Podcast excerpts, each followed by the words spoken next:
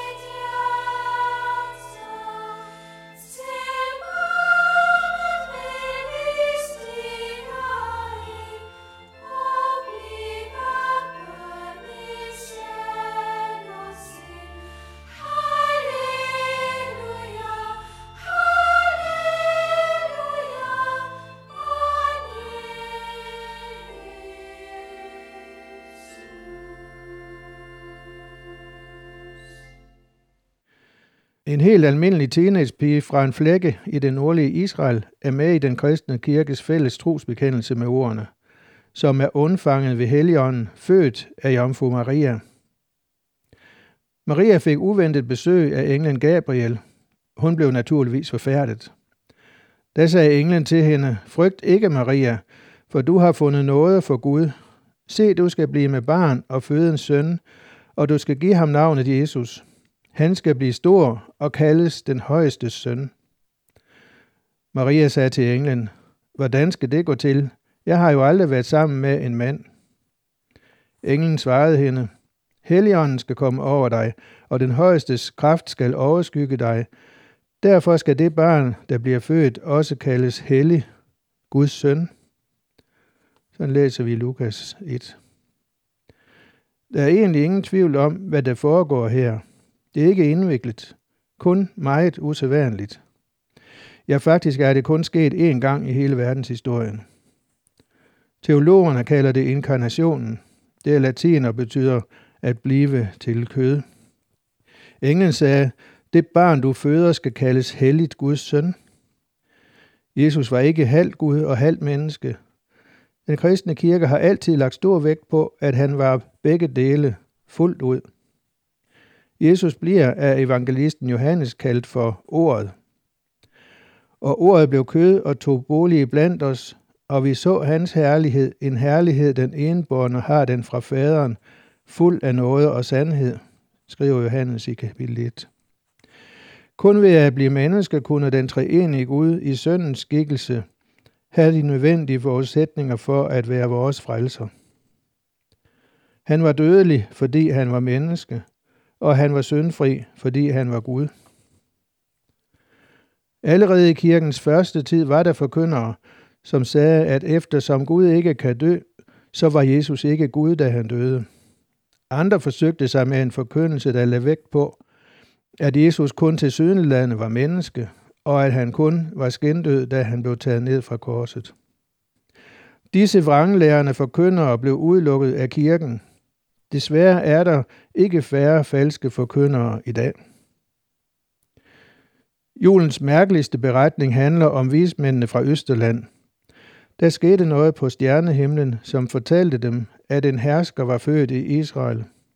De rejste straks til Israel og gik til kong Herodes for at finde den nyfødte kongesøn. Hvor er jødernes nyfødte konge, spurgte de. Da kongen hørte det, blev han forfærdet, for han kunne ikke lide konkurrenter. Han sammenkaldte de skriftkloge og spurgte dem, hvor Kristus skulle fødes.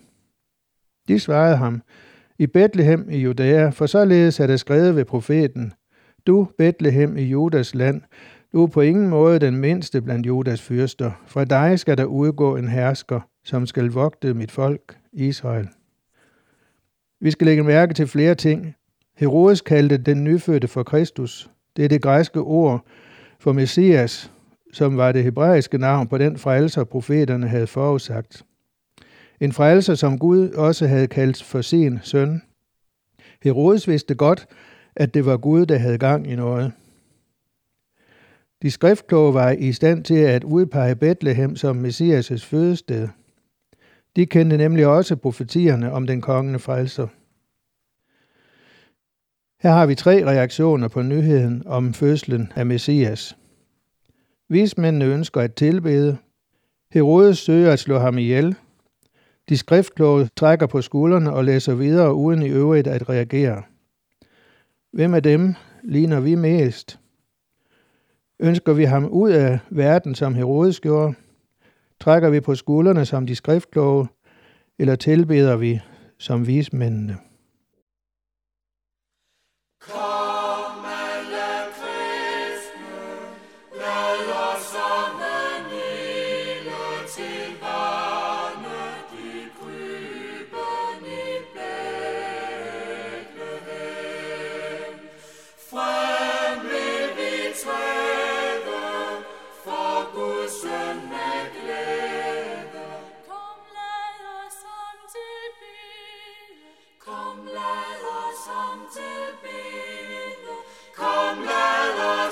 to be the He.